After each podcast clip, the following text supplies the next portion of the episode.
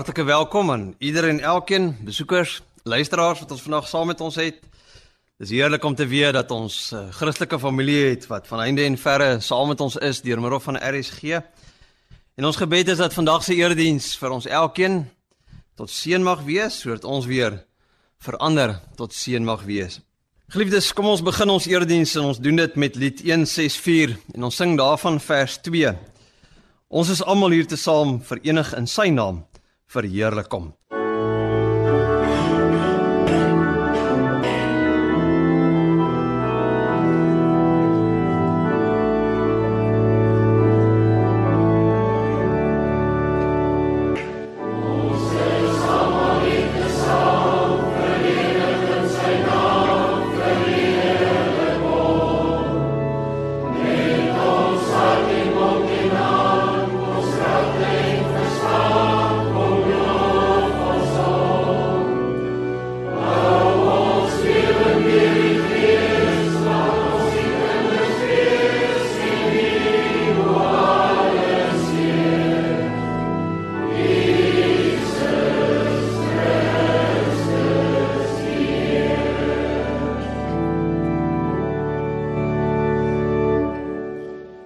Geliefdes in die Here, genade, barmhartigheid en vrede vir julle van God ons Vader en sy seun Jesus Christus deur die kragtige werking van die Heilige Gees. Amen. Ons loof die Here met twee liedere. Die eerste een is Psalm 95 en ons sing daarvan vers 1 en vers 4 waar hier oproep gemaak word: Kom, laat ons jubel voor die Here. En dan direk daarna lied 200 vers 1 en vers 2. Kom ons sing Psalm 95 vers 1 en vers 4 en dan direk daarna die 200 vers 1 en 2.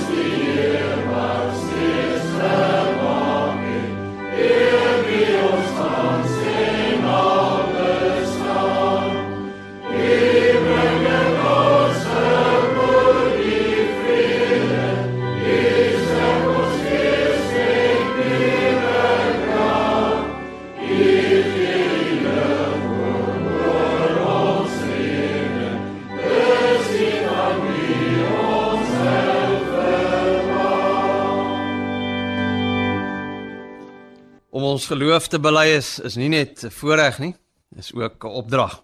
Ons moet altyd getuig, soos die Here vir ons ook in sy woord, ons moet bereid wees om te getuig van die hoop wat in ons lewe. En ons hoop is dan natuurlik uit die aard van die saak in in ons Here, in ons God en enigiets anders waarop ons ons hoop plaas, gaan ons net teleurstel. En vanoggend wil ons dan ons geloof bely met hierdie eenvoudige woorde wat ons kry by Thomas. Nee, ons praat baie maklik van die ongelowige Thomas of die of Thomas die twyfelaar so asof ons self nooit twyfelaars is nie. En wanneer Thomas dan vir Jesus sien, dan maak hy eintlik hierdie pragtige en eenvoudige belydenis. En dit lees ons in Johannes 20 28 tot 29. Dis nadat Jesus aan Thomas verskyn, dan sê Thomas vir hom: "My Here en my God." En toe sê Jesus vir hom: "Glo jy nou omdat jy my sien? Gelukkig is die wat nie gesien het nie en tog glo." My Here en my God. Wat 'n pragtige belydenis om te kan maak, nie die Here en die God nie, my Here, nê, nee, persoonlik verhouding. Mag dit ook ons geloofsbelydenis wees. Amen. Ons Vader wat in die hemel is, ja Here, U is heilig. U is Vader, Seun en Heilige Gees. U is sonder begin, sonder einde. U is sonder sonde. U is sonder beperkings. Ja, U is groot. En omdat U so groot en so almagtig en so alwetend is, daarom kan ons weet dat ook U genade, ook U liefde is so groot soos U self. Dat ook U genade so groot is soos U self.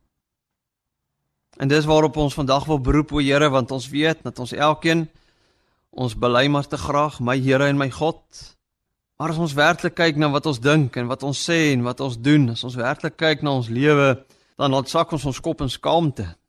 Want ons besef, o Here, ons is nog so gebroke.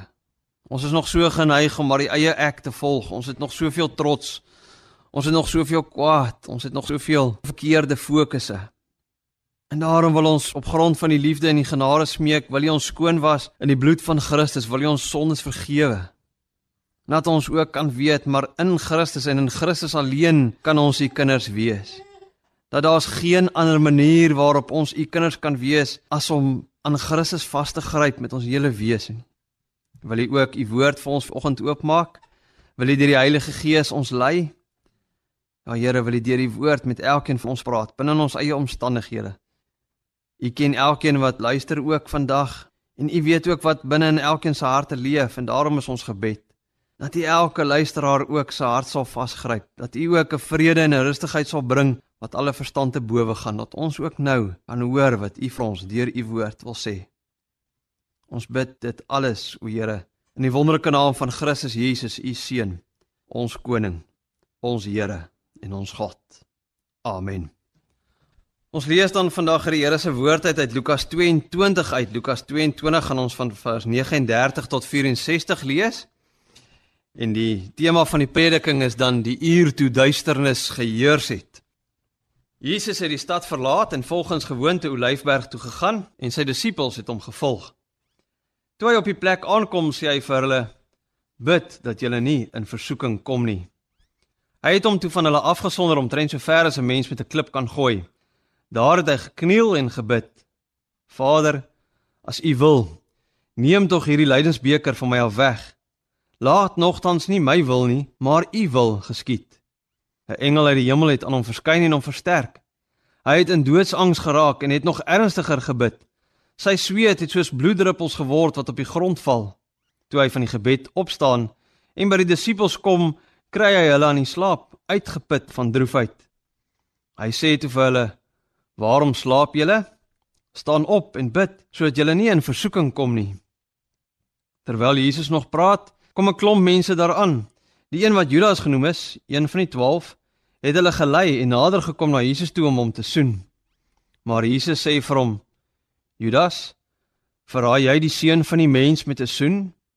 Toe die wat saam met Jesus was sien wat gaan gebeur, vra hulle: "Here, moet ons hulle met die swaard aanval?" Een van hulle slaan toe na die slaaf van die hoofpriester en kap sy regteroor af. Maar Jesus sê: "Hou op daarmee." Daarna het hy die oor aangeraak en hom genees. Toe sê Jesus vir die priesterhoofde, die offisiere van die tempelwag en die familiehoofde wat teen hom opgetrek het, trek julle met swaarde en stokke uit soos teen 'n rower? Dag vir dag was ek saam met julle in die tempel en julle het nie 'n hand uitgesteek om my te vang nie. Maar nou dat die tyd vir die duistere magte daar is, het julle julle kans. Hulle het Jesus toe gevange geneem en hom weggelei en in die huis van die hoofpriester gebring. Petrus het op 'n afstand agterna gekom. In die middel van die binneplaas was daar 'n vuur en daar het mense bymekaar gesit. Petrus het tussen hulle gaan sit. 'n Diensmeisie wat hom in die skynsel van die vuur sien sit het, het hom goed bekyk en gesê: "Die een was ook saam met daardie man." Maar Petrus het dit ontken deur te sê: "Juffrou, ek ken hom nie." 'n Rukkie later sien iemand anders hom en sê: "Jy is mos ook een van hulle." Maar Petrus antwoord: "Man, ek is nie." Na verloop van so wat 'n uur het nog een met beslisheid beweer: "So waar, die een was ook saam met daardie man. Hy is mos ook 'n Galileër." Maar Petrus sê: "Man, ek weet nie waarvan jy praat nie." En onmiddellik terwyl hy nog praat, het daar 'n haan gekraai. Die Here het omgedraai en Petrus aangekyk. Toe val dit Petrus by wat die Here vir hom gesê het: "Voordat die haan vannag kraai, sal jy my 3 maal verloon." En Petrus het buitentoe gegaan en bitterlik gehuil. Die manne wat vir Jesus bewaak het, het aangehou om met hom die spot te dryf en hom te slaan. Hulle het hom geblinddoek en gesê: "Jy is mos 'n profeet. Sê, wie het jou geslaan?" Nou geliefdes, vanoggend kyk ons eintlik na wat die nag gebeur het toe Jesus verraai is. En daar is eintlik hier die hele onderliggende tema in hierdie hele gedeelte wat ons gelees het van duisternis. In die middel van die gedeelte wat ons gelees het, maak Jesus eintlik 'n baie vreemde stelling. Dis aan die einde van vers 53 en as ons hom letterlik vertaal, dan staan daar, hy word verskillend vertaal in die ou en die nuwe vertaling, maar letterlik staan daar, maar dit is julle uur nou regeer die duisternis. En die woord hier in Grieks wat met regeer vertaal word, beteken om te regeer met autoriteit. Met ander woorde, Jesus sê dis nou die autoriteit van die duisternis. Goeie vertaling, die duisternis regeer. En alles waarvan ons dan verder gelees het in hierdie gedeelte wat gebeur in daardie nag, sê vir ons hier's eintlik iets diepers aan die gang. Hier's iets donkerder as die donkerste nag. Mens kry 'n donkerte waar jy nie met jou oë kan sien nie, en dan kry mens 'n donkerte waar jou hart en jou verstand, jou siel nie kan sien nie, nee, 'n spirituele nag. En dis die ding waarmee Jesus nou sit. Jesus kom om dit te hanteer en hy het ook 'n oplossing vir daai duisternis. So ons kyk na drie gebeurtenisse hier. Twee eintlik vertel ons iets van onsself en die wêreld waarin ons lewe. En die derde een vertel ons maar wat Jesus daaraan doen. So eers kyk ons na die soldate wat Jesus verwerp, die disippels wat Jesus verwerp en dan die Vader wat Jesus verwerp. Kortom, Jesus word totaal en al alleen gelaat. 'n Deel van hierdie donkerte is dan daardie geweldige spot. Alhoewel spot eintlik maar deel was van Jesus se hele lewe, is dit hier teen die einde van sy lewe baie intens. Dit vererger. Hy word gespot oor sy profeetskap. Net later toe hulle die doringkroon op hom gesit het, het hulle hom gespot oor sy koningskap. Toe Jesus uitgegaan het na Golgotha toe, het die skare hom gespot en verneder en snedige opmerkings gemaak oor omtrent elke liewe uitspraak wat Jesus gemaak het. Hulle het gesê, ja, hy kon ander red, maar homself kan hy nie red nie. Hulle spot oor Jesus as 'n redder. Hulle spot oor Jesus as die seun van God. Noem maar op. Maar wat leer ons hier uit? Nou geliefdes, net vinnig let op die spektrum van die mense wat spot. Almal doen. Die tempelwagte, ook die Sanhedrin, die skrifgeleerdes, die Jode spot, die Romeine spot, die gewone mense, die leiers, die skares, almal spot, almal neem deel aan die kruisiging van Christus. En dan is dit ook belangrik om te sien dat hulle spot eintlik absoluut niks reg kry nie. Hierdie gespot van die mense is eintlik een groot ironiese mislukking. Toe hulle Jesus geblinddoek het, het hulle hom geklap en gesê: "As jy 'n profeet is, sê ons." Maar die vreemde is dat Jesus in Lukas 18 al sê hy sal uitgelewer word aan die heidene. Hy sal bespot en beledig word, hulle sal op hom spoeg, hulle sal hom gesel en hom doodmaak. So die ironie is dat Jesus lankal voorspel het wat gaan gebeur. Hy het voorspel dat Petrus hom gaan verloon tot in die fynste besonderhede. En dis nie al nie. Jesaja 53 voorspel ook die koms van die dienaar wat sal lei. Jesaja sê ook ek het my rug gehou vir die wat my slaan. Ek het my gesig nie weggedraai toe ek bespot en bespoeg is nie. So die gespot het ironies genoeg juis dit bevestig waarmee hulle gespot het. Hulle wou bewys Jesus kan nie 'n profeet wees nie, terwyl hy al lank al gesê het wat gaan gebeur. Hulle sê Jesus, as jy 'n profeet is, hoekom kan ons hierdie ding aan jou doen? Klap. As jy 'n man van God is, dan sal God mos nie toelaat dat hierdie dinge met jou gebeur nie. Klap. As jy 'n man van God is, dan kan jy mos nie so kwesbaar wees nie. Klap. God werk mos nie met swakkelinge nie. Klap. Jy kan nie 'n profeet wees nie, maar Jesus is. So hulle kyk eenvoudig na Jesus se lyding en dit lyk vir hulle sinneloos. Hulle sien sy kwesbaarheid en hulle sien sy swakheid. Hulle kyk na alles wat verkeerd gaan en dan maak hulle die gevolgtrekking hierdie kan nie die seun van God wees nie. En wat leer ons hier? Wat sien ons? Ons sien 'n baie duidelike geliefdes, 'n baie duidelike geestelike blindheid. Mense kan maklik rondkyk in die wêreld in ons land en hulle kan donker te sien al die tragedies en die lyding en die onreg en die boosheid en sê dan sê hulle maar daar kan nie 'n God wees nie. Want God sal nie so iets toelaat nie. As daar 'n God is, hoekom gebeur hierdie dinge? Dit is eintlik niks anders nie, geliefdes, as spot. Hierdie mense rondom Jesus staan by God. Maar hulle sê dit kan nie. God is nie hier nie. Wat as Jesus gedoen het wat die mense van hom verwag het? Wat as Jesus sy vingers geklap het en die soldate met vuur verteer het en op 'n perd gespring het en saam met 'n engele leer skare die vyande vernietig het? Wat dan? Wat as Jesus gedoen het wat die mense van hom verwag het? Dan geliefdes, het hy ons gered van die Romeinse ryk en dis al. As Jesus ons wil bevry van die duisternis van dood en van sonde, dan het hy presies gedoen wat hy moes doen. En God het presies geweet wat hy moet doen. Kom ons pas 'n bietjie toe in ons eie lewe. Wanneer ek en jy na die probleme in ons lewe kyk, wat sê ons? Sê ons ook Maar God kan nie hier wees nie. Hier kan nie iets goeds hier uitkom nie. Spot ek en jy nie ook dan maar nie. Want op die einde van die dag maak ons maar net onsself seer. Jy sien wolke kan pikgiet swart donker wees in die dag, maar die son is nog steeds daar. Jy kan dalk nie die son sien nie, maar hy's daar.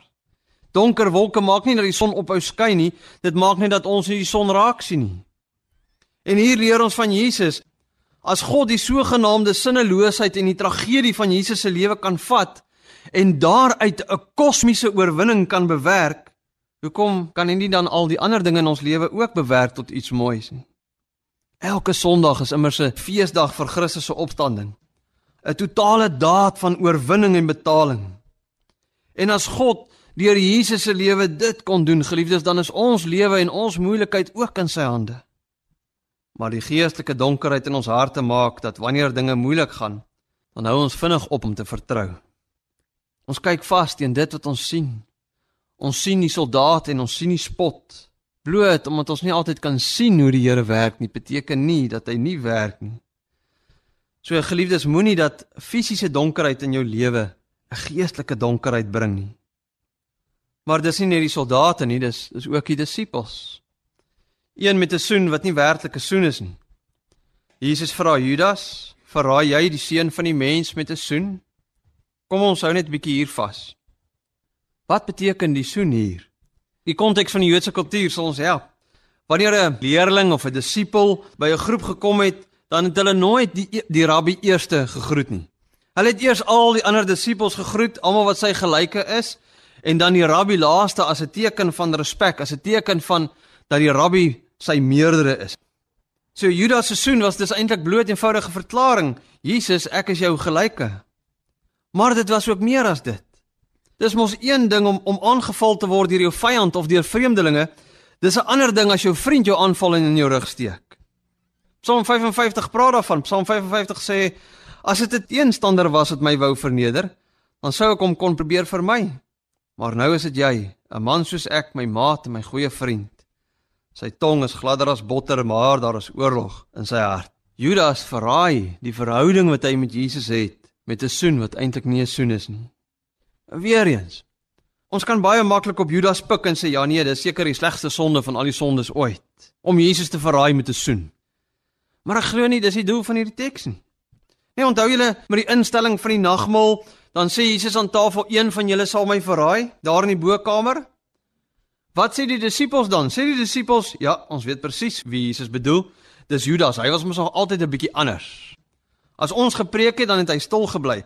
As ons by Jesus se voete gesit het, dan het hy eenkant gestaan.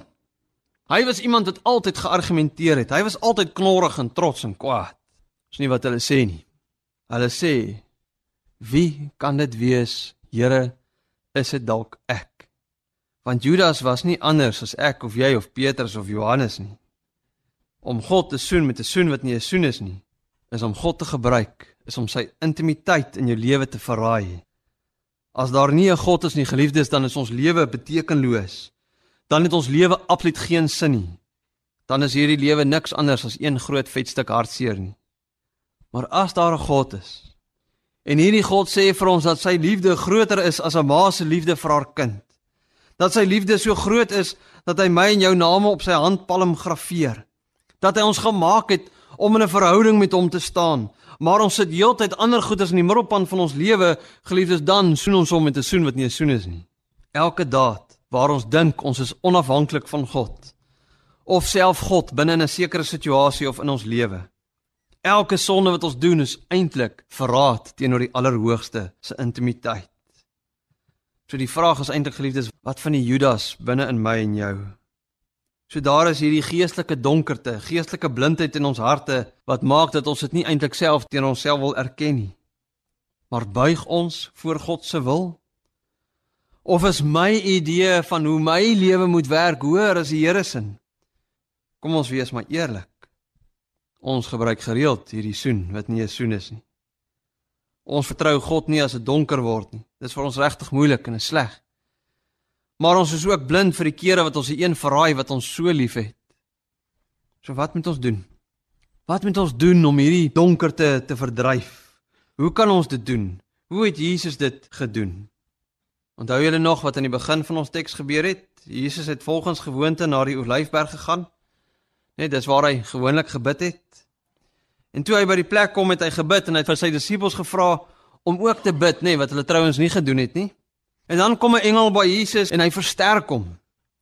Maar dan, en kyk mooi wanneer dit gebeur, dan raak hy benoud, doodsangs. En dan bid hy nog ernstiger en sy sweet het soos bloeddruppels geword, skryf Lukas. En die woord wat hier vir doodsangs gebruik word, is die woord agonia. Die Engels word daarvan vertaal van agony. En dis die eerste en die enigste keer wanneer dit met Jesus gebruik word. Markus sê Jesus was ontstel. Daar het iets gebeur wat Jesus geweldig geskok het. Die seun van God is in 'n diepe benoudheid. Maar wat was dit? Was dit net dat Jesus bang was om te sterf? Nee, geliefdes, want nadat die engel by Jesus was, bid hy nog ernstiger, sê Lukas. Nee, die skok, die gewig word net swaarder Hy gooi homself meer in gebed. Maar hoe kan dit wees dat Jesus nou meer ernstiger is? Is daar fout met sy vorige gebede gewees? Nee, geliefdes, Jesus is besig om te drink aan die beker. En wat was daardie beker? Ons kry dit baie in die Ou Testament nogals, né? Nee? Die beker is God se regverdige oordeel. Wat is die gevolg van ons sondes teen God? Die verhouding gaan gebroken, daar's dood. So ons is gemaak om 'n verhouding met God te lewe en om van daardie verhouding dan afgesny te word, bring benoudheid en ontsteltenis en ons sien dit in ons lewe, ons sien dit in die wêreld.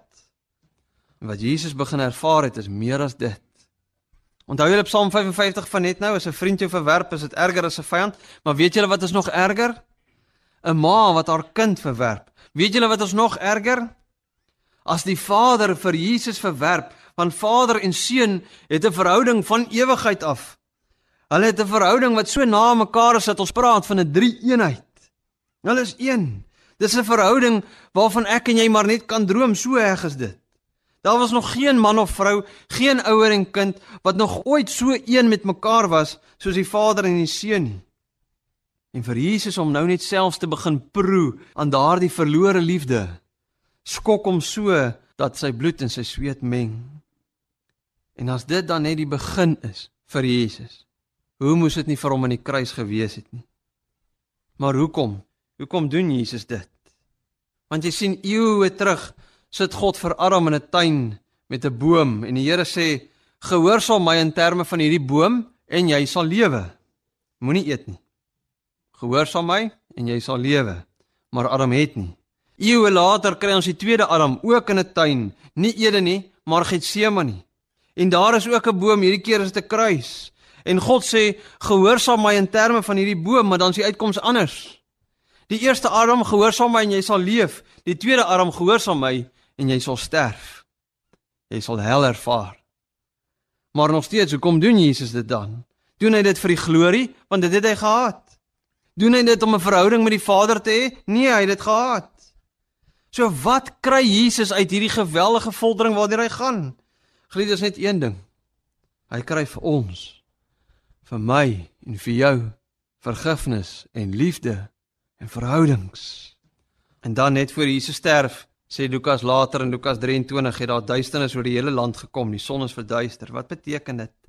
Geliefdes, Jesus het die duisternis gevat. Hy het die gevolge van ons dade het hy geabsorbeer. Jesus sterf in duisternis sodat ons kan lewe in die lig, 'n lig wat nooit uitgedoof kan word nie. Maar glo jy dit? Glo jy dit ook as dinge rondom jou donker word en jy God net moet vertrou? Glo jy dit so ernstig dat jy God nie wil soen met 'n soen wat nie 'n soen is nie? Jesus wat die duisternis vir my en vir jou vat, is die enigste daad wat die duisternis uit ons harte kan lig. En ons sien dit in Petrus. Petrus het in die donkerte by 'n vuurtjie gestaan en hy het vir Jesus verloon. En dan kraai die haan en dan gaan hy uit en hy huil bitterlik. So wat het die duisternis uit Petrus se hart uitgehaal? Eerstens was hy in 'n situasie wat vir hom gewys het dat hy nie so sterk is soos wat hy dink nie. En toe die haan kraai, het Petrus onthou wat die Here vir hom gesê het. En daarom geliefdes, die uur van duisternis is verby. Duisternis heers nie meer nie. Jesus het dit absorbeer. Hy het dit betaal. Hy het dit afgehandel. So mag die Heilige Gees jou lig wees en jou help om die lig te sien. Mag die Heilige Gees jou daaraan herinner elke oomblik wanneer jy voel daar is net duisternis om jou, dat jy kan onthou wat Jesus gedoen het. Dat jy kan onthou dat hy dit vir jou gedoen het. Amen. Kom ons bid saam. Ons Vader, die kruisigingsverhaal, die geskiedenis van wat Jesus alles daar moes ervaar, bly ons maar net in die hart gryp. Dat hy wat volkome gehoorsaam was, hy wat volkome sonder sonde is, deur hel moes gaan, sodat ons wat so bevlek is met sonde van voor ons geboorte af al vry kan wees in Christus. Sodat ons wat nie 'n volk is nie, u volk kan wees. Sodat ons onsself die kinders van die Allerhoogste kan noem. En daardie gebeurtenis, o Here, so wreed en so skrikwekkend soos wat dit was, bly ons grootste troos. Dat ons in Christus kan weet hy het dit vir ons gedoen en daarom het ons hierdie wonderlike vreugde, hierdie wonderlike vryheid wat ons kan lewe. En dat ons kan weer die voorhangsel is geskeur, daar's vrye toegang tot U. Ons kan enige tyd en enige plek kan ons met U praat. Kan ons tot U bid. En daarom is ons gebed, Vader, dat U die onthou so in ons harte sal werk dat ons net weer en weer sal omdraai, sal terugkeer na U toe. Dat ons elke dag weer en weer sal besluit Christus is die een wat ek wil volg. Bid vir ons land, Ons bid vir vrede en wysheid. Ons bid vir onderskeidingsvermoë en rustigheid. Ja Here, ons bid dat U ook ons land sal genees van al die geweld en al die seer dinge wat ons so elke dag sien en ervaar en hoor. Ja, ons bid dat ons U voor oë sal bly hou dat U ons bron van hoop en troos mag wees. Here, wil U ons seën. Wil U deur die Heilige Gees so in ons harte werk dat ons ook weer tot seën sal wees van ander, dat ons ook ander sal vertel van die enigste lig wat die duisternis kan verdryf. Ons bid U dit alles op grond van U groot genade. Daardie genade wat U aan ons bewys het op Golgotha deur U seun Jesus Christus. Amen. Kom ons sing Psalm 145 vers 1 en 3 en 9. Ek wil U lof getrou verkondig, Heer, en dit uitdra oral altyd meer en meer.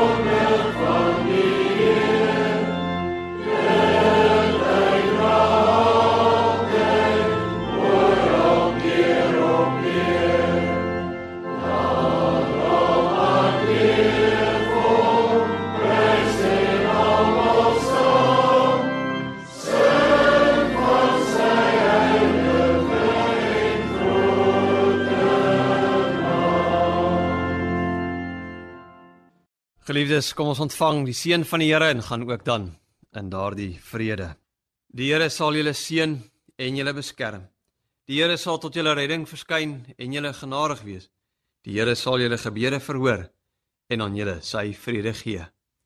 Amen. Mm.